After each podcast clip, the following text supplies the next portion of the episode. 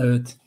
İyi pazarlar sevgili arkadaşlar, Süper Haber izleyicileri, Memleket Aşkına programının bağımlıları.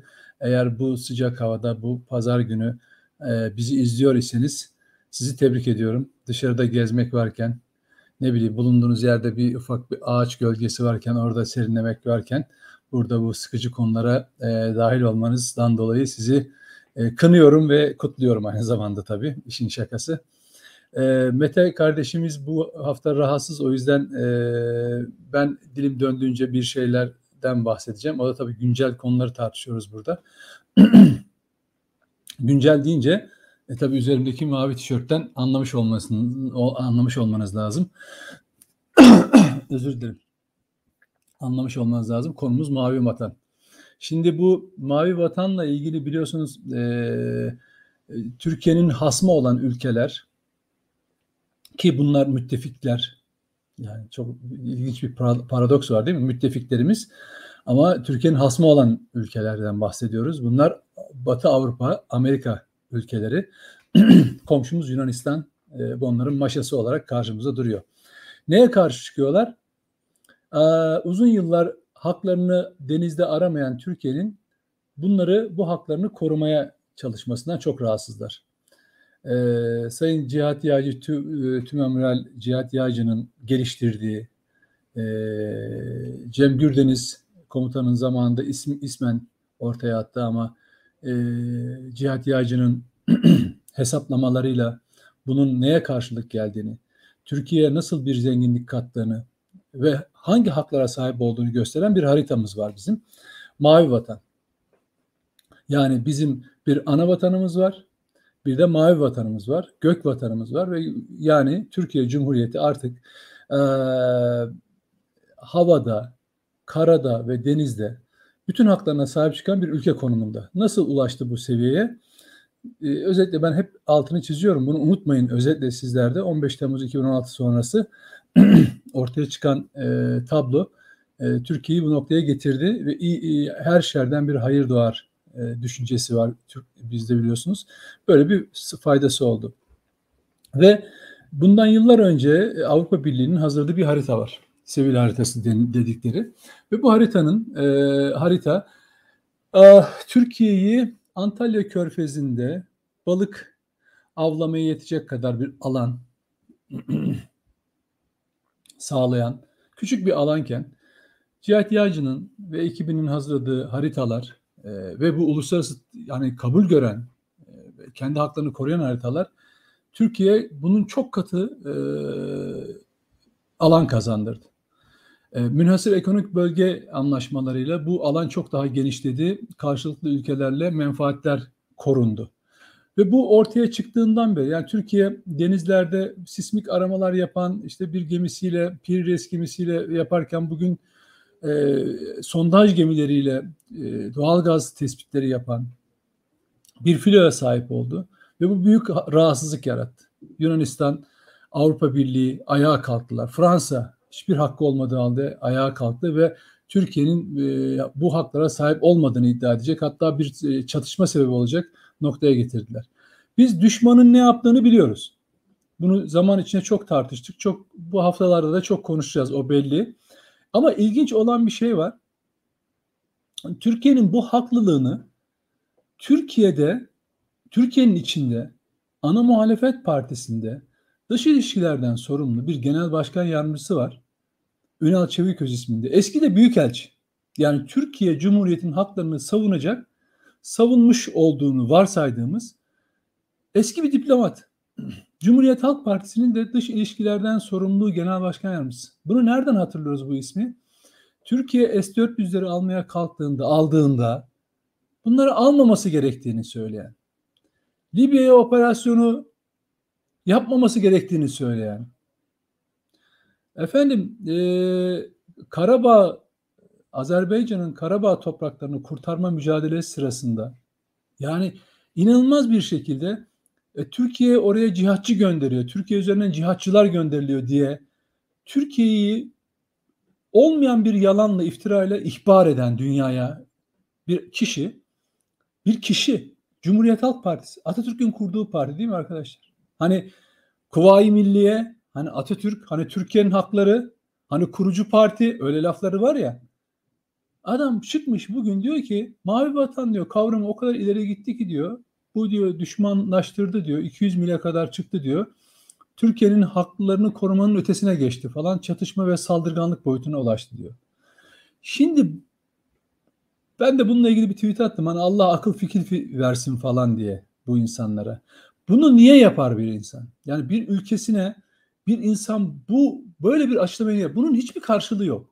Bakın bu sadece emperyalistlere, maşalık yaptıkları emperyalistlere selam göndermek. Yani biz iktidara gelirsek öyle mavi vatan falan filan şeylerimizde durmayacağız. Biz haklarımızı aramayacağız. Bu neyin karşılığı biliyor musunuz? Yani neyin devamı? Cumhuriyet Halk Partisi'nin artık bunu açık böyle böyle konuşacağım. Cumhuriyet Halk Partisi'nin başına bir kaset komplosu sonrası atanan, gelen Kemal Kılıçdaroğlu'nun efendim Türkiye'nin dış politikası Avrupa ve Amerika'da çok rahatsızlık yaratıyor. Biz bunları 180 derece değiştireceğiz diye ortaya attığı düşüncenin devamı. Başka bir şey olamaz. Bak başka hiçbir şey olamaz. Ya bu ben mesela bir CHP'li milletvekili Türkiye Suriye'de e, YPG'le komşu olsun falan filan gibi lafları vardı. Ya da YPG bize mi saldıracak diyor şey nedir onun adı Kılıçdaroğlu. Onlar halkını kurtuluş için çalışan bir örgüt falan filan diyor. Bir yapı diyor falan. Ben bunları dönem içinde hani bilgisizlikten veya işte efendim çok fazla üzerine düşünmemiş olmaktan söylenen sözler olarak değerlendiriyordum. Ama hayır. Bunlar baya baya bir proje içindeler. Yani Cumhuriyet Halk Partisi yönetimi şu anda yani bakın Atatürk'ün kurduğu partiden bahsediyorum. Kılıçdaroğlu'nun CHP'si bir proje içerisinde. Bu çok açık. Artık böyle seçime falan madem seçim falan konuşuluyor. Herkese bir vaatlerde bulunuyorlar ya. Bizim de bunları deşifre etmemiz lazım. Kim ne vaat ediyor bunu göreceğiz. Nitekim bir süre önce kanun hükmünde kararnamelerle e, ihraç edilenlerin hepsini iade edeceğim. Ben bu konuda söz verdim. Bir imza ile bir kararnameyle iptal edeceğim. Şey yapacağım diyordu. Söyledi. Şimdi bunda tabii önce hakkında terörden şey e, teröre bulaşmamış olmak şartı koydu. Ardından bu ne kadar boş bir laf olduğu anlaşılınca hakkında soruşturma açılmamış olanlar şeklinde bir cümle kullandı. Bakın bunları zincirleme olarak anlatıyorum. Çünkü bir yere de karşılık geliyor. Yani Türkiye neyle karşı karşıya? Kılıçdaroğlu'nun ve onun ekibinin yönetimi altında Türkiye neyle karşı karşıya olduğunu görmek zorunda. Bakın o 2016'dan 2023'e kadar seçim sonucu ne olursa olsun beni hiç ilgilendirmiyor. Bu dönemi Türkiye tarihini ileride yazanlar çok ayrı yazacaklar. Türkiye'nin ulusal e, ve milli e, konulara sahip olması, ulaştığı seviye, e, sahip olduğu etkinlik ve alan Türkiye Cumhuriyeti tarihinde ayrı bir dönem olarak yazılacak. İleriki kuşaklar bizim zamanımızda biz e, mesela devrim otomobilleri hayal kırıklığını anlatırlardı bize. Ya, okurduk. Biz işte böyle bir nostaljik bir hayal kırıklığı. Bizim bir şeyi zaten başaramayız. Başarsak da yöneticiler buna izin vermezler. İşte emperyalistler bizim üzerimizde baskı aracıdır, e, baskı kurarlar. Zaten yaptırmazlar. İçerideki ithalatçı iş ortakları var bunların otomotiv, otomotiv sanayinde. Onlar da zaten çok etkililer, çok güçlüler, yenilmezler falan filan. Ama 2016'dan bu tarafa çok şey değişti arkadaşlar. Bakın zihniyet değişti asıl. Ama önümüzde madem bir seçim var, madem birileri çok iddialı, o zaman bunların çok açık konuşulması lazım. Türkiye'nin ulusal menfaatlerine kim zarar verecekse, içeride dahi, dışarıda dahi buna karşı çıkmak lazım. Mesela ben yine geçen gün Savunma Bakanı Hulusi Akar e, Amerika Amerika gibi davranmalı diyor. Amerika Amerika gibi davranırsa tekrar darbe demek. Tekrar YPG PKK terörist örgütüne destek demek. Bunları geçen gün televizyonda söyledim. Türkiye'nin ulusal menfaatine ister iktidardan ister muhalefetten herhangi bir gölge düşerse bu Türkiye'nin geleceğinin kaybolması demek. Gençlerimizin geleceğinin kaybolması demek. Bu olmaması lazım. Kimse böyle bir gelecek projeksiyonunda da şahsi menfaat peşinde olmaması lazım. Hepimizin bir canı var. Bu ülkede nefes alıyoruz. Şehitlere de borcumuz var. Şimdi dönüyorum tekrar meseleye. Kılıçdaroğlu'nun bir projesi var. O belli. Artık bir projeyle geliyorlar ve ağır ağır. Ama hep şöyle ne zaman başı sıkışsa biz zaten Atatürk'ün partisiyiz, biz Kuvayi Milliyiz diye bunu perdelemeye çalışıyorlar. Artık böyle değil. Atatürk'ün kurduğu bir parti ama Kılıçdaroğlu'nun partisi. Bunu Hulki Cevizoğlu çok çok sık sık söyler ve doğru bir tespit. Şu anda Kılıçdaroğlu'nun CHP'sinden bahsediyoruz. Onlar ne olup olmadığını söylüyorlar zaten. Nitekim Atatürk'e e, Atatürk'le ilgili makale yazarken içinde Kefere Kemal e, e, diye yazan adam bugün partisinin üst düzey yöneticisi ve ben işte Atatürk'ü kastetmedim diyecek kadar da iki yüzlü davranabiliyor. Ve bu insanlar o partinin her tarafında. Hiç alakası CHP ile zerre kadar alakası olmayan. Hayatı boyunca yani hatta düşmanlık yapmış insanlar CHP'nin yönetiminde ama Yılmaz Ateşler, Muharrem İnceler, e, Mehmet Ali Çelebiler partinin dışına itilmiş durumdalar. Onlar da kendi bir siyasi yol arıyorlar. Dolayısıyla karşımızda bir proje var. Hiç yani böyle efendiliğe, efendim e, Kemal Kılıçdaroğlu'nun zerafetine, kibarlığına falan kurban edilecek bir şey değil bu Türkiye'nin geleceği. Şimdi ne yaptı? E, terörle mücadele, e, teröre bulaşmamış olan KHK'ları iade edeceğim. Peki ne? Ölçüsü ne? Yani darbeye karışmış olan, eline silah alıp darbeye karışmış olan 5600 tane FETÖ'cü subaya subay vardı. Bunları mı kastediyorsunuz? Peki onları kastediyorsanız rakamlar söyleyeyim. 15 Temmuz darbe girişiminden sonra 24 bin FETÖ'cü TSK'dan ihraç edildi. Yani eline silah alıp da bir darbeye falan kalkışmış da değiller. Yaptıkları şey FETÖ üyeliği, mahrem imamlarla buluşmak, e, efendim devletin bilgilerini e, paylaşmak, e, ne bileyim örgütten talimatlar almak şeklinde düşünün. Ya da hakim savcılar var 4000 tane. Hiç ellerine silah almamışlar. Hadi kumpasa karışan bir küçük grubu ayrı tutalım. Onların gözü, onların deyimine göre. O mesela 4000'e yakınını iade iade mi edeceksiniz? Mesela FETÖ'cü polisler var. 30-40 bin dolayında ihraç edildi. Bunlardan kumpasa karışan çok az istihbarat terörle mücadele ekibi var. Geri kalanları mesela garson kod adlı e, FETÖ itirafçısının verdiği isimler üzerinden yapılan ihraca, ihraçları iade mi edeceksiniz? Ya da bakanlıklardakileri iade mi edeceksiniz? Dışişleri bakanlıklarındaki mesela MİT'teki MİT'teki mesela şeyler var FETÖ'cüler ihraç edilenler. Silah falan da kul teröre falan da bulaşmadılar ama FETÖ üyeliği var. Bunları iade mi edeceksiniz? Ya dürüst olun arkadaşlar. CHP, ben CHP yönetimine söylüyorum.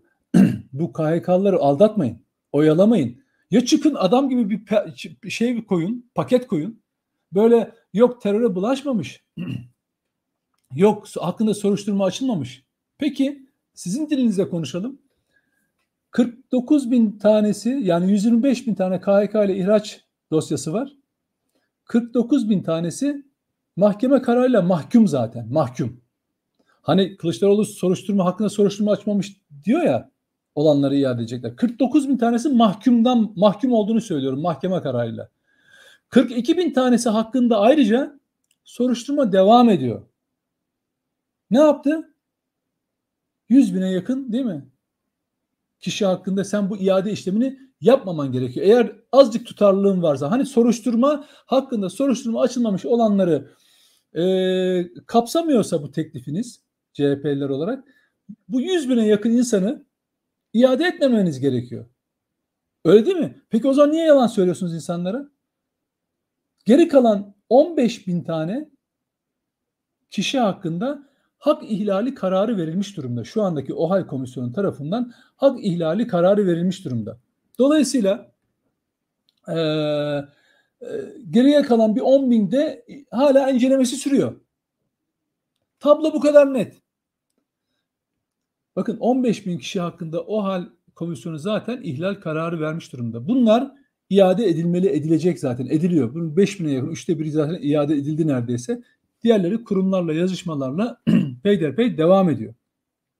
Ayrıca hakkında dava açılan ve mahkum olan 49 bin artı soruşturması devam eden 42 bin kişi hakkında bu mahkeme kararlarına rağmen yeniden şey var yargılama yolu yani OHAL komisyonunun verdiği red kararına karşı mahkemeye gidip yine itiraz edebiliyorlardı.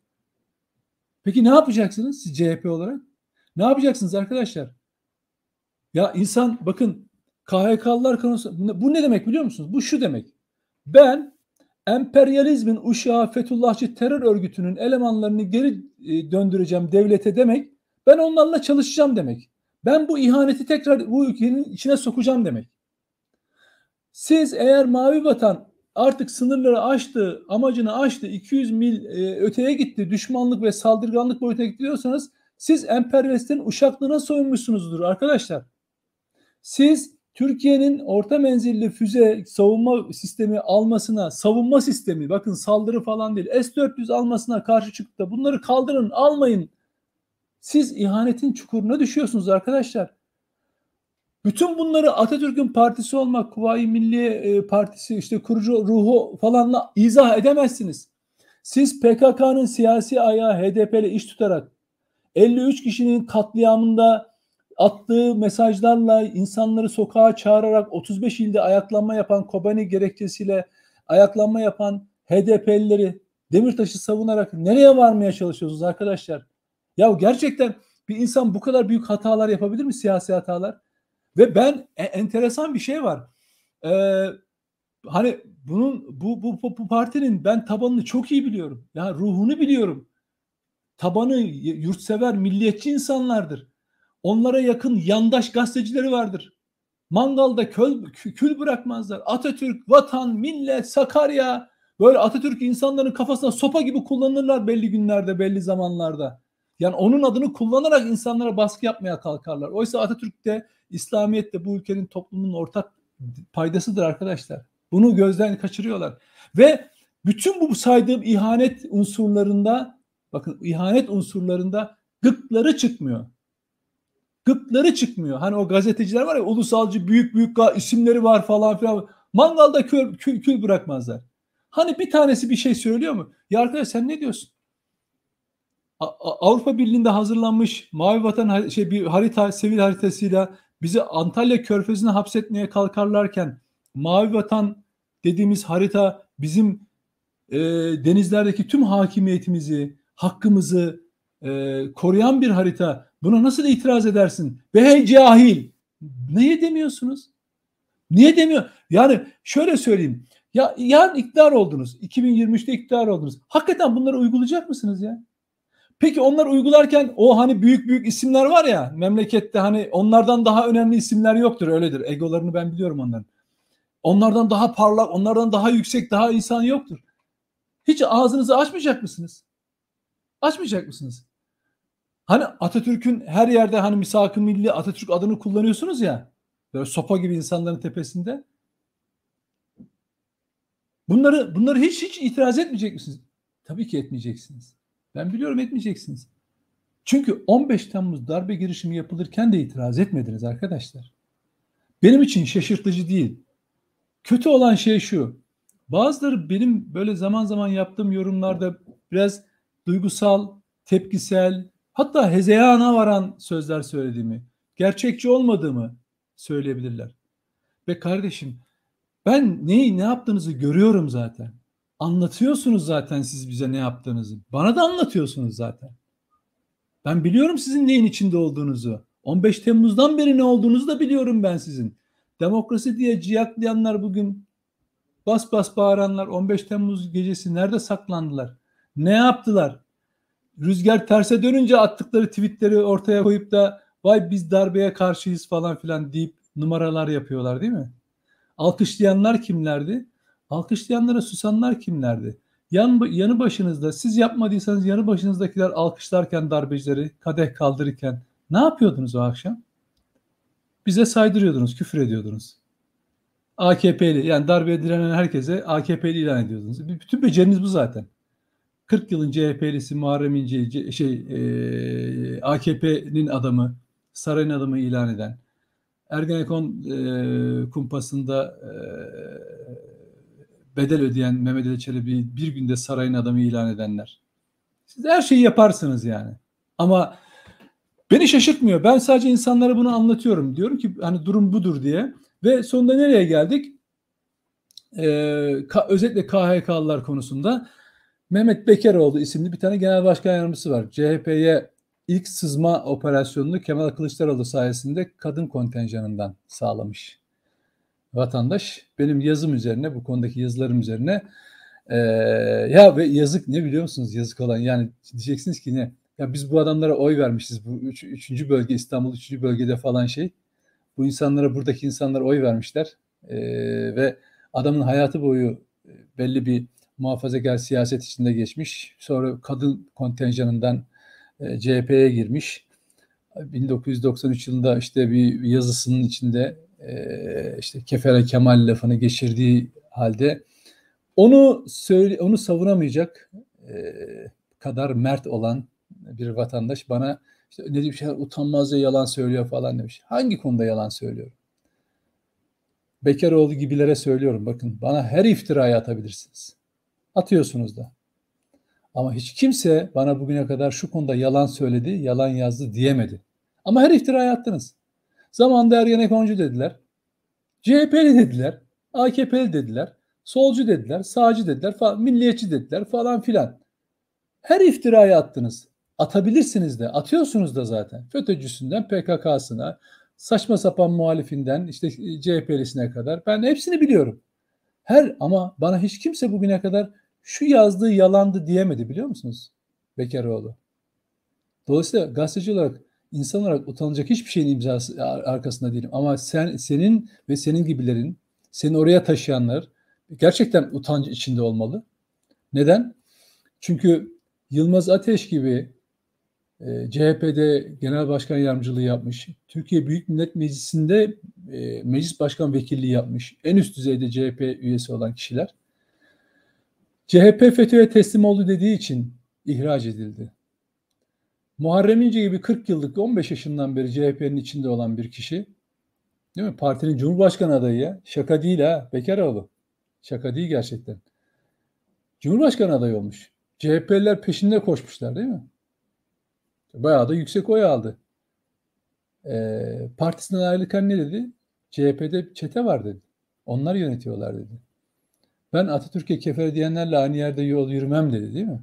Kime söyledi bunları? Bana söylemedi. Sana söyledi. Ey Bekaroğlu sana söyledi. Şimdi hal 2007 yılında tutmuş 2000, o zaman tabii liberaller şimdi FETÖ şey FETÖ'nün kumpas operasyonları var. Ergenekon balyoz. Onların da şiddetli savunucusu. Ya insan hiç utanma olmaz mı arkadaş? Hiç utanma olmaz mı? Yani e, bir partiye giriyorsun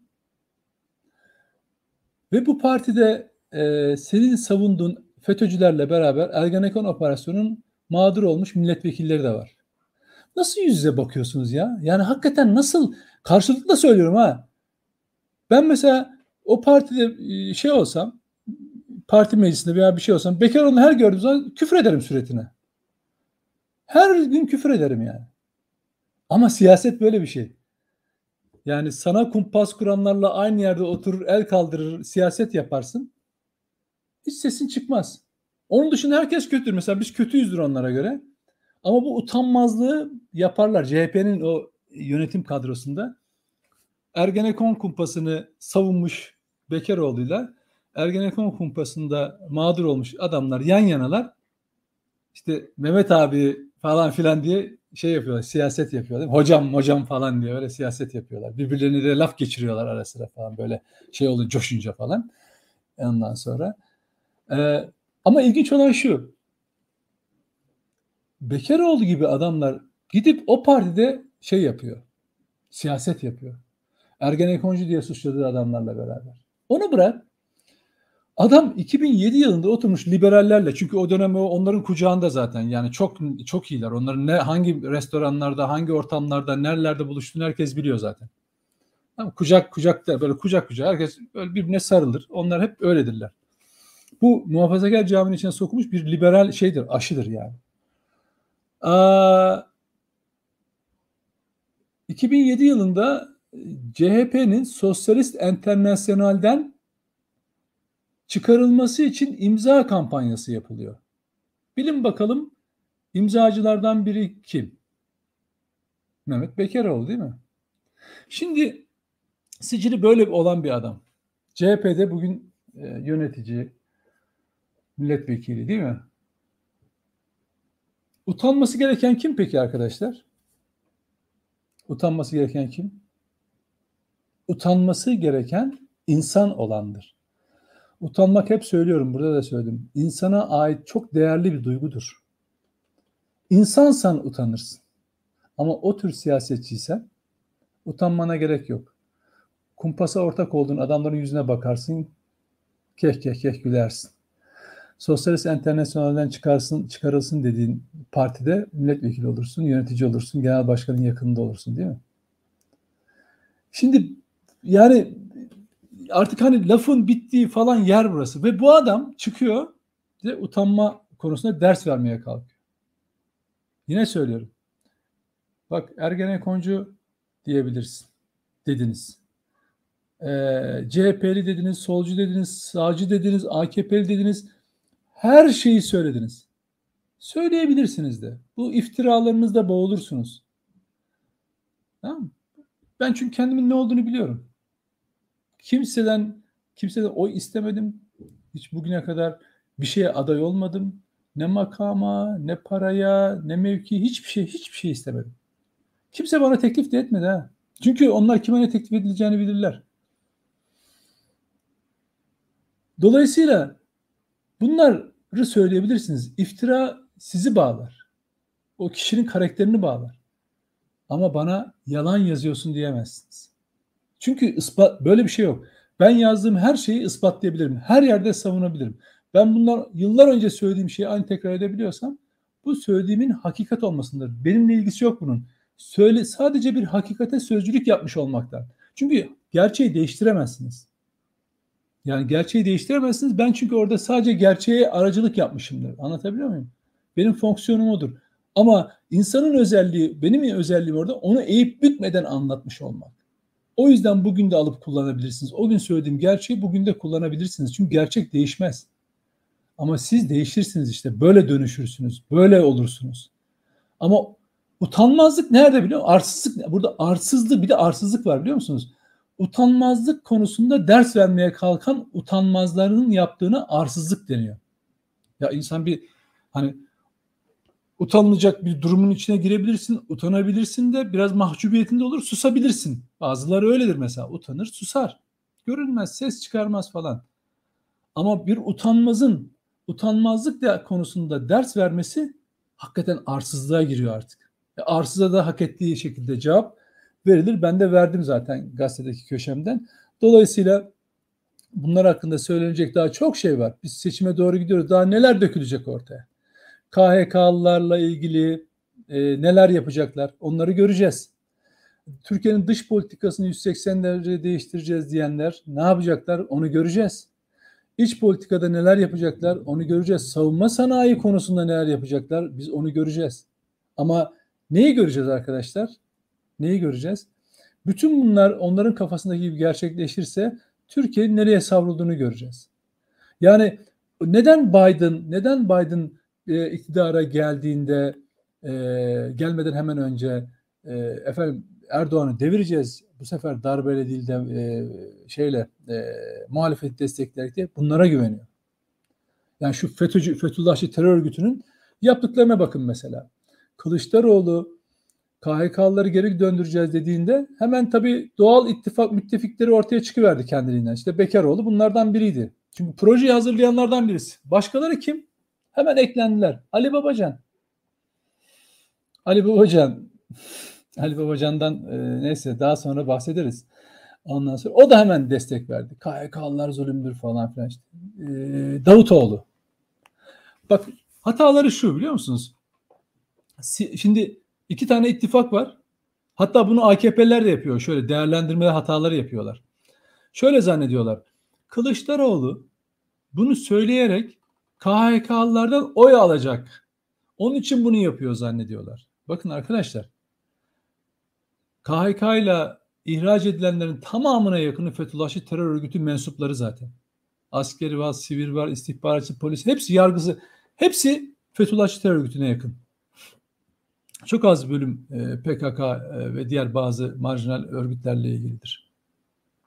Bu insanlar yani bunlar FETÖ'cüler zaten 2015 seçimlerinden bu yana AKP'ye oy vermiyorlar arkadaşlar.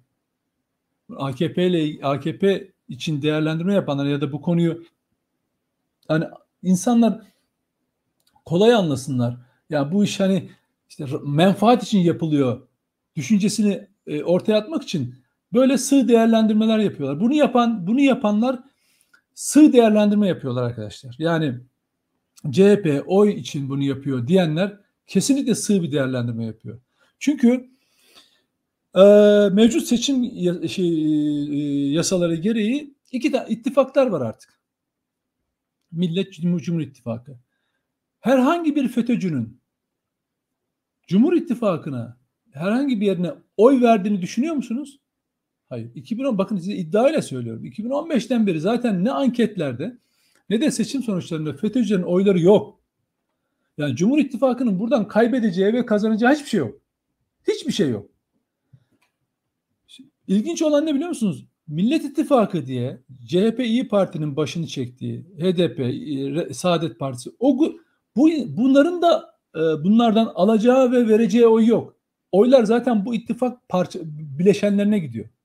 Yani FETÖ'cülerin oyları zaten bunlara gidiyor. 2015'ten beri. Dolayısıyla bunu Kılıçdaroğlu'nun ortaya atması oy için falan değil. Bir misyon arkadaşlar. Bakın bir misyon. Ben buna artık canı gönülden inanıyorum. Çünkü bir başka bir başkası bu şekilde fütursuzca 81 milyon insan ihanete uğramış 15 Temmuz gecesi bir tek darbe davasını takip etmemişler. 251 şehidin adını ağzına almamışlar. Darbe girişimine direnenlere kontrollü darbe diye aşağılamaya kalkmışlar. Tamam Darbe girişimiyle ilgili Adil Öksüz'le ilgili yalan söylemişler. Baylok konusunda yalan söylemişler. Sırf algı operasyonu olsun diye. Sırf FETÖ'cülerin ellerinde, FETÖ'cülerin ağızlarına verdiği o lafları Kılıçdaroğlu tekrar etti arkadaşlar. Bu bir misyon. 2010'dan beri oynadığı misyon. Gözümün benim de gözümün önüne baka baka bu oyunu oynadılar. Atatürk'ün partisi, Atatürk'ün partisi diye herkesi kandırdılar. Bak hani kandırılma var ya böyle yürüyor işte. Siyaseten kandırılma böyle yürüyor. Şimdi o yüzden bazı eski CHP'liler işte Meral Akşener'e döndüler falan mesela medyada falan. Onu daha çok güzellemeye çalışıyorlar falan. Ama Kılıçdaroğlu artık bir misyon misyon ee, e, oynuyor. Başka türlü izah yok bunun. Çünkü lafların arasına şeyi serpiştiriyor. Mesela şunu dese ki anlayacağım. KHK'dan mağdur olan OHAL komisyonu tarafından e, isimleri tespit eden 15 bin kişinin geri dönüşü için elimden geleni yapacağım. En hızlı şekilde. Şu anda 3, 3'te e, biri iade olmuşsa ben hızlıca hepsini yapmaya çalışacağım. Takipsizlik kararı ve bak takipsizlik kararı alan ve beraat kararı alanlara ilgili bir şey yapıyor, yaklaşımda bulunuyor. Diyor ki takipçi kararı alanlarla beraat kararı alanları iade edeceğiz. Peki asıl bence takipçi şimdi mahkumiyetleri e, şey yapalım, e, bir yere tutalım. Asıl e, yeniden yargılama yapmanız gereken takipçi kararı alanlarla beraat kararı alanlardır arkadaşlar. Size bir tane örnek vereceğim. 2020 yılının Yüksek Asgari Şurası'nda e, Serdar Atasoy isimli şahıs gene, e, albaylıktan generalliğe terfi ettirildi. Tam o sırada da hakkında FETÖ'den soruşturma var. Ankesörlü hat kapsamında. Ama takipçi kararı almış. Takipçi kararı almış Serdar Atasoy. Mahkemeye tekrar başvurup kararda kesinleşmiş ve Yüksek Asgari Şura'da Savunma Bakanlığı tarafından ne yapılıyor? Ee, albaylıktan generalliğe terfi ettiriliyor. Üstüne Kara Kuvvetleri Komutanlığı İstihbarat Başkanlığı'na atanıyor. Dönemin Kara Kuvvetleri Komutanı isyan ediyor. Ben bunu göreve başlatmam diye değil mi? Bakanlıklarla kavgaya girişiyor. Sonra bir başka e, operasyon sırasında adı tekrar ortaya çıkınca gözaltına alınıyor ve itirafçı oluyor. Evet diyor ki ben FETÖ üyesiyim, cemaat üyesiyim. E, hatta ben mezun olduğum zaman rütbelerimi Fethullah Gülen bizzat elleriyle taklit ediyor değil mi? Alın size beraat etmiş birisi. Alın size takip, takipsi kararına uğramış birisi. Ama ikinci operasyonda itirafçı olmasa Adam belki de şeyde hala kamuda görev yapıyor olacak. Alın hadi. Atayın. Serdar Atasoy'u Kara Kuvvetleri Komutanlığı'na atayın. Ya da şey örnek vereyim size. 15 Temmuz gecesi Kara Kuvvetleri Komutanı'nın yanında olan Burak Akın var yüzbaşı özel kuvvetlerden. O gece e, darbecilerin açtığı ateşle yaralanmıştı. Gazi oldu adam. Kara Kuvvetleri'nin koruma Salih Zeki Çolak'ın koruma ekibinden ve darbe gecesi vurulduğu için de gazi. Devlet buna madalyalar, belgeler değil mi? taltif etti falan. Sonra ne oldu? Ha, hakkında dava açılmayı falan bırakın ha. Yani dava falan aç, aç, aç, açılmıyor. Soruşturmadan da bahsetmiyoruz biz. Bu kişi darbeden bir buçuk yıl sonra e, kendisinin isminin deşifre olduğunu düşünerek kendiliğinden itirafçı oluyor. Diyor ki ben diyor işte evet gazi mazim ama diyor ben diyor FETÖ üyesiyim diyor. Bak hakkında soruşturma dahi yok. Ne oldu? Şimdi ne yapacağız mesela Burak Akın'ı? Mesela Kılıçdaroğlu onu tekrar Kara Kuvvetleri Komutanı'nın şeyi yapsın, koruması yapsın böyle insanları. Öyle mi? Ya da mesela savcılar, hakimler var. Hiç adam terörle ilgisi yok. Onları da iade etsin. Bak bunların hepsi bir misyon. Çünkü Fethullahçı bak ee, bugün Amerika Birleşik Devletleri'nin kullandığı iki tane örgüt var Türkiye'ye karşı. Türkiye devletine karşı mücadele edecek herkes bunları ittifak üyesi, ittifak bunlarla ittifak yapmaya çalışıyor. Bakın Türkiye devlet Türkiye devletinin şu anda izlediği bağımsız politikaya, Amerika'ya rağmen uyguladığı politikaya karşı olan herkes bir şekilde bunların bunlarla ve bunların uzantılarıyla işbirliği yapıyor. HDP ile işbirliği yapıyor. FETÖ'cülerle işbirliği yapıyor. Ha? Olay bu kadar basit. O yüzden muhalefetin bakın muhalefetin aklını başına alması lazım. Ola ki bu ülkede iktidar olursanız eğer bu yaptıklarınızı iktidarınızda yapmaya kalkarsanız bunu da herkesin demokrat amcası demokrasi getireceğiz falan ayağıyla kakalamaya kalkarsanız efendim bir de Atatürk'ün partisiz, Kuvayi Milliyeciyiz falan diye yutturmaya kalkarsanız bu millet sessiz kalmaz yani. O da ne? Demokratik tepkisini sandıkta size gösterir. Çünkü Türk halkı böyle bir halk. Böyle durur durur durur gelir he sandıkta hesabını sorar. Mesele sandıkta hesap sorması kimin iktidar olup olmayacağı hiç önemli değil arkadaşlar. Ben bu ülkenin genç bakın bizim gençliğimiz bu kavgalarla geçti. Biz bizden büyüklerin sağ sol diye çatıştırıldığı ülkede 5000'den fazla gencin birbirini öldürdüğünü gördük. Türkiye'nin en parlak insanları, en idealist insanları birbirlerini öldürdüler. Sonra dediler ki ya biz ne yanlış yapmışız işte emperyalist birler bize oyun oynamışlar. Biz de bunun kurbanı olduk, aracısı olduk falan diye. Şimdi gençlerde ayrı bir motivasyon var. Bunu gençlerin demokrat amcası fark etmeyebilir. O belli kesimlerin sözcülüğüne soyunmuş olabilir. Ama Türkiye'de öyle bir gençlik var ki bak bugün o Amerika'yı o onda medet umduğunuz, demokrasi umduğunuz Amerika'yı dize getiren İHA'ları, SİHA'ları üreten 25-30 yaşlarında gençler var, yazılımcılar var. Gencecik çocuklar var. Binlerce var. Bugün üniversite sınav e, başvurularına bakın. Mühendisliklerin nasıl olduğunu göreceksiniz. Bu nasıl oldu? Son 5 yılın hikayesi bu. Çünkü niye biliyor musunuz? Bir şeyin sahibi olabilirsiniz. Ama ancak mevcut iklim varsa onu gösterebilirsiniz. Yani güneşin uygun hale gelmesi o çiçeğin açmasını sağlar. Yani güneş ısı belli bir hava, belli bir klima, belli bir iklim oluştuğunda o ağaç meyve verir. O çiçek açar arkadaşlar. İşte o iklim bu iklim. Aynı güneşin doğması gibi gençlere geleceğini aydınlatan bir vizyon aşılıyor bugünkü perspektif. Ee, hava, iklim buna müsait. Bunun tersini, bunun tersi, bunu tersine çevirecek her şey Türkiye'ye verilecek bir zarardır. Gençlere verilecek bir zarardır.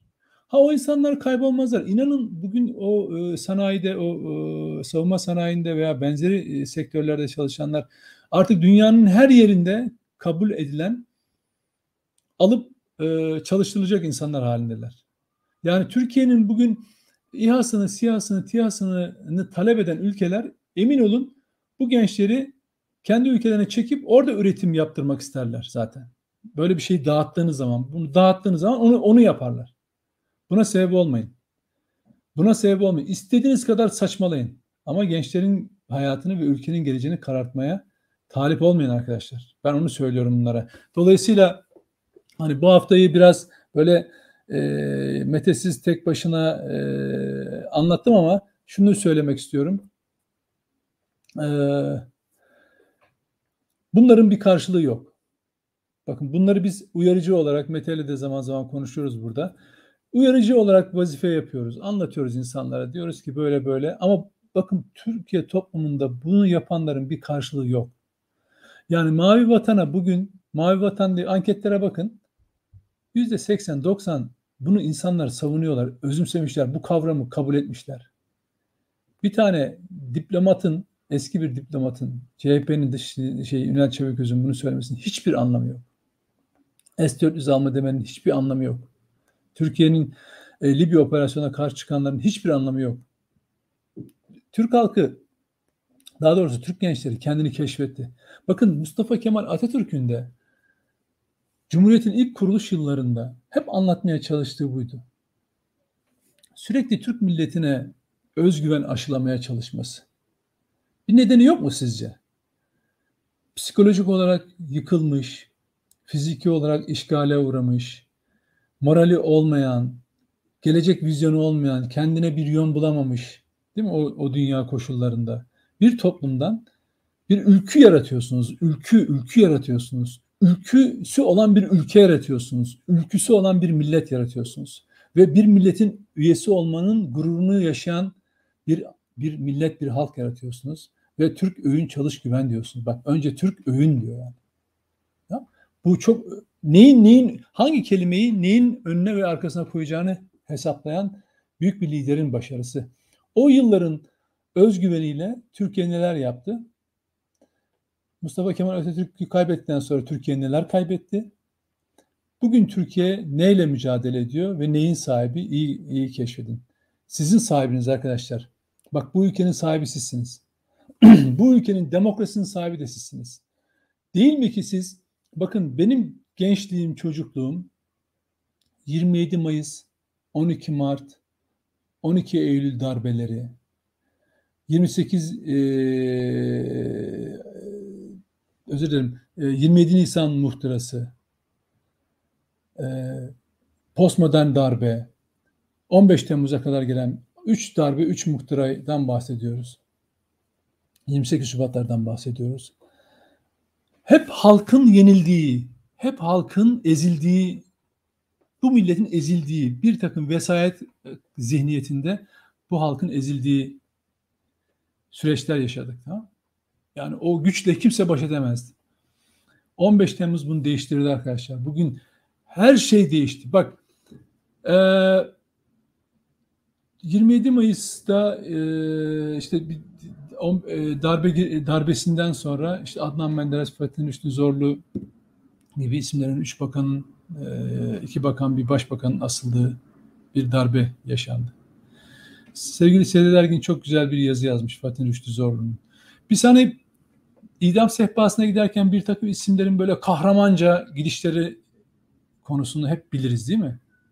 İsim söylemeye gerek yok şey olmasın tartışma olmasın diye söylüyorum. Ama 27 Mayıs darbesi sonrası atıla, asıl a, idam edilen Fatih Rüştü Zorlu'nun hikayesini biliyor muyuz? Çok güzel yazmış Serdar Ergin. O kadar metanetli, o kadar güçlü bir şekilde e, duruyor ki cellat boynuna ilmiği geçirirken elleri titriyor. Oğlum diyor ilmik benim boynuma geçiyor. Sen, sen niye titriyorsun diyor. Titremesene diyor. Ve tek bir isteği var. idam sehpasında tabureye kendisinin ayağını vurması. Yani bir kendisinin bir cellat tarafından idam edilmesini değil. Kendi kendine o yola girmiş, baş koymuş. Ve Allah'a ısmarladık deyip vatan sağ olsun deyip Allah'a ısmarladık deyip kendini o dar ağacına e, da kendi ölümüne e, yürüyebiliyor. Şimdi bunu kim anlattı bize? Kim biliyor bunu? Ama biz başka hikayeleri biliyoruz değil mi? Sadece onları biliyoruz. Ve bak kendini asan Adnan Menderes de öyle. Fatih Rüştü Zorlu da öyle. Kendini asan devlete, o günkü devlete devletimiz var olsun diyorlar. Vatan sağ olsun diyorlar. Allah'a ısmarladık diyorlar. Ya böyle bir şey olabilir mi arkadaşlar? Hani devlete karşı mücadele eden, idama giden insanların yine e, idam sehpasında bu şekilde e, konuşmaları çok normaldir zaten. Onlar da bir o cesareti gösteriyorlar. Ama kendisi devletin bu devletin bakanı başbakanlığını yapmış. Ve devlet denilen yapı tarafından idama götürülüyor ve devlet devlet var olsun diyor. Ve ayağının altındaki tabureyi kendi itiyor. Hocam bak bunları üst üste koyun. Şöyle oturun düşünün. Nasıl bir şey? Kendinizi Fatih'in üçlü zorlu yerine koyun. Düşünün yani sadece o anı, o anı düşünün. İdama kadar, ipin ucunda sallanana kadar ki aşamaya kadar düşünün. Siz devletin bakanısınız. Sizi darbeyle indirmişler. Devlet diye karşınıza çıkanlar tarafından yargılanmışsınız ve e, o devlet tarafından o devlet tarafından idama mahkum edilmişsiniz. İdama gidiyorsunuz ve devletimiz var olsun deyip ipinizi kendiniz çekiyorsunuz. Hocam bu çok çok inanılmaz bir şey. Sadece bu sadece bu bunun filmleri şeyleri yazılır, kitapları yazılır. Ama ne olmuş biliyor musunuz? Sayfaların arasında, tarihin arasında kaybolmuş. Şimdi birileri bize, bakın şimdi birileri bize 15 Temmuz'u unutturmaya çalışıyor. 15 Temmuz'da 251 şehidimiz, 2700'e yakın gazimiz var. Kimse onların adını ağzına almıyor. Ben söylemiştim hatırlar mısınız? 5 yılda 15 Temmuz bir dernek adı olur, dernek olarak adı olarak kalacak diye. Oraya doğru götürmeye çalışıyor birileri. Ve FETÖ'cüler öyle bir noktaya gelmişler ki artık FETÖ demek şeydir, soykırım suçudur. Bunu iki seferdir so- sosyal medyada TT listesine koyuyorlar. Dün akşam da yine e, bir takım FETÖ'cüler kendileri bunu nasıl organize ettiklerini anlatan tweetleri de vardı. E, ve e, FETÖ demek, FETÖ e, soykırım suçudur diye. Yani FETÖ demek diye böyle bir başlık açıyorlar. İnsanların kafasından bunu silmeye çalışıyorlar. Artık FETÖ demeyin diye. Bak bu nasıl oluyor? Şimdi FETÖ, bunu yine FETÖ'cüler yapıyor. Yani bakın mesela bu Selçuk Atak isimli bir tane FETÖ'cü var. Kendine akademisyen diyor. Profesör nereden profesör olduğunu bilmem. Şimdi bakın bu anında dün akşam onu aldım. Görüntüsünü çok ilginçtir. Biz e, Siber Suçlar Daire Başkanlığı'nın tespitleri üzerinden nasıl yaptıklarını anlatmıştık birkaç seferdir diye. Bakın şimdi bu Selçuk Atak diyor ki arkadaşlar e, FETÖ nefret söylemidir diye bir başlık oluşturmuş. Arkadaşlar TAG'ın potansiyel etkileşim 1 milyonun üzerinde. Bakın ve FETÖ'cülere ne yapması gerektiğini söylüyor. Lütfen 3-5 dakika arayla tweet atalım. Atılanları da RT'leyelim. Kendileri çalıyorlar, kendileri söylüyorlar. Bakın ve böylece ne oluyor biliyor musunuz? E, FETÖ nefret söylemidir başlığı TT listesinde yükseliyor. Sosyal medyaya her giren kişi ha, FETÖ nefret söylemidir. Ha bu bir suç ya ben bunu söylemeyeyim. İnsanların kafasına bunu ters algı yaratıyorlar. Bak FETÖ dersen nefret suçunu işlemiş olursun. Ha falan filan. Biz seni uluslararası bilmem de şikayet ederiz. Yarın yurt dışına çıkamazsın ya da gittiğin ülkede gözaltına alırsın. Niye FETÖ kelimesi kullanıyorsun? Çünkü dünya kullanmıyor ya bunu. Türkiye'de bu kullanılıyor. Bak FETÖ nefret söylemidir diye adamlar nasıl bir tak çalışması, e, gündem oluşturma çalışması yaptığını kendi anlatıyor. Bunlar böyle bakın. Lütfen diyor 3 dakikada arayla tweet atın. Ne, FETÖ nefret söylemidir deyip bir şey yazıyorsunuz. Ya bile tweet atıyorsunuz. Aynı kişi 50 defa 100 defa atabilir. Bir de diyor ki atılmış olanları da retweet edin. Böylece şey yükselsin. Görüyor musunuz nasıl oluşturuyorlar? Hani biz yazdığımız zaman ya ne diyorsunuz falan. Bakın bunu niye diğer bir tweetimiz vardı. Bakın sonucu ne olmuş? Cem onu da gösterebilir misin arkadaşlara? Bak ne diyor? Özel Türkiye gündeminde birinci sıradayız. FETÖ nefret söylemidir diyor. İnsanlara bu nefret söylemiyle 5 yıldır soykırım yapıyorsunuz. Suç unsuru olarak sayabileceğimiz sadece kalem ve kitap. Bu insanlar eline kalem ve kitaptan başka bir şey almamış çünkü falan diyor. Tamam Kalem ve kitap. Yani düşünün memlekette tek kalem kitap eline alanlar FETÖ'cüler onlar da soy, şeyle terörist olmakla suçlanıyor öyle mi? Öyle mi arkadaşlar? Darbe girişimi kim yaptı? Komploları kim yaptı? Soruları kim çaldı? Cinayetleri kim işledi? Tecavüzleri kim yaptı? Binlerce insan hapishaneye kim attı? Kim yaptı?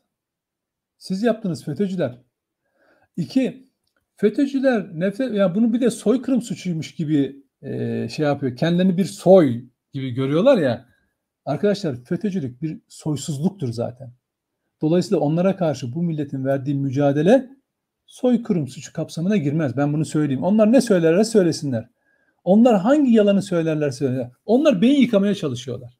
Bakın o kadar sahte bir dünyaları var ki diyor ki her 3-5 dakikada bir tweet atın atılmış olanı da RT yapın. Nereye varacaksın böylece? Ya sosyal medyada 5000 3000 kişiyle istediğin gibi rüzgar estirebiliyorsun. Nitekim e, Help Turkey diye FETÖ'cülerini başlattığı neydi belirsiz bir yardım kampanyası vardı yardım şeyleri sırasında. O 30 bin civarındaki hesapla bunlar otomatik olarak bilgisayar üzerinden e, programlanabiliyor. Birbirine etkileşim yaparak dünya sıralamasında üst sıraya çıkarttılar. Ne oldu peki? Türkiye yardıma ihtiyacı olan aciz bir ülke miydi? Hayır, bir projeydi o. Şimdi burada da öyle yapıyorlar. Siz bu sosyal medyada bakın e, oluşturulan başlıklara itibar etmeyin. Tepki verin. Boş bırakmayın. Bak ben yaptım mesela dün akşam. Hemen bana saldırdılar. Çünkü niye? Çünkü onlar FETÖ nefret söylemidir deyince yok hayır. FETÖ alçak olmaktır. FETÖ'cülük şerefsiz olmaktır. Hatta dünyanın en şerefsiz mahlukatı olmaktır FETÖ'cülük. Çünkü onlar her türlü yalanı söylerler. Bunu bunu kendileri söylüyorlar. Yalanı yalanı tedbir olarak kullanıyorlar. Yani tedbir amaçlı olarak yalan söylenebilir diye kendi aralarında böyle bir anlayışları var arkadaşlar. Dolayısıyla FETÖ'cülük gerçekten söylüyorum. İçin yani içinde FETÖ'cülük kaçmış ya da FETÖ'cü olmuş birisi varsa bir an önce uzaklaşsın. Elindeki bilgileri devlete biz onlarla devlete yardım eden, bu millete yardım eden FETÖ'cülerle uğraşmıyoruz. Onları anlatmıyor. Onlarla hiçbir işimiz yok bizim. Onlar bize FETÖ'yü anlamamızı sağlıyorlar. Bizim derdimiz böyle firari olup Amerika'da, Avrupa'da rahat bir hayat süren, buradakileri de ortada bırakan meczuplara, onlarla mücadele ediyoruz. Algı çalışmalarıyla mücadele ediyoruz. İçeride olanlarla zaten Türkiye devleti mücadele ediyor. Etkili bir şekilde mücadele ediyor ve edecek de. Daha da ileride göreceğiz bunların neler olduğunu. Asıl mesela algı konusunda. Hiç önemli değil. Bakın ne yaparlarsa yapsınlar. Sosyal medyada bir kişi 20-30 tane tweet atar. At, attıklarını retweet eder. E ne oldu? Nefret söyledi. Kim söyledi? Kim yazdı bunu? Biz söyledik. Kim inanıyor buna? Bizden başka kimse de inanmıyor. E o zaman niye yapıyoruz? Mesele ne biliyor musunuz? Beyinlerde nefret söylemidir diye insanlara FETÖ dedirtmemeye çalışıyorlar. O yüzden böyle böyle FETÖ, FETÖ, FETÖ falan gibi saçma sapan, çocukça hani FETÖ yazmamak için hani çünkü o FETÖ'yü yazınca öyle aramayla çıkıyor ya onlar böyle fütü, futu falan gibi saçma sapan çocukça şeyler yazıyorlar. Yani olayı oraya düşürmüşler. Bak FETÖ'cülere söylüyorum. Sizin ihanetiniz öyle şakayla, tweetle falan geçecek gibi değil. Siz daha çok bedel ödeyeceksiniz. Siz bu alçak firarilerle, yurt dışında ucu olanlarla işbirliği yaptıkça çok bedel ödeyeceksiniz. Hatta ben şunu söyleyeyim bakın. Ben hissettiğimi söylüyorum. Bir şey bildiğimden değil.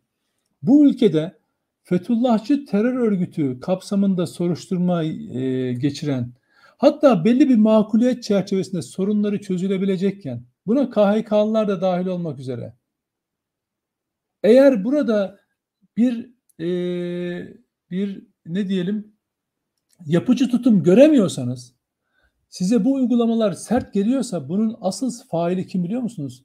Bu sorun çözülmesinde yurt dışında uğraşanlar. Bu ülkede kalıp ya belki de hani sırf cemaat olduğu için işte belli bir inanç grubu olduğu için oraya girmiş e, olan insanlar belki bu konuda çok daha yapıcı çözümlerle topluma kazanacaklar. Yani şey olacak, çöz, sorun çözülebilecek. Ama kaçanlar ve rahat içinde olanlar bu sorun çözülsün istemiyorlar. O yüzden kaşıdıkça kaşıyorlar. Ellerinden gelen istihbarat çalışmasını, algı çalışmasını yapıyorlar. Ve buradaki insanların ne çektiklerini, ne yaşadıklarına zerre kadar ilgilenmiyorlar. Zerre kadar. Buradaki insanlar hasta, çoluğu çocuğu kaçmış, bilmem ne olmuş ki ayrılmış falan. Hiç umurlarında değil. Çünkü onlar çoluğu çocuğu da kaçtılar zaten. Örgütün bir karargahı var. Onlar orada her şeyleri rahat yaşıyorlar. Yurt dışında güvence içinde yaşıyorlar. En ufak korkuları yok.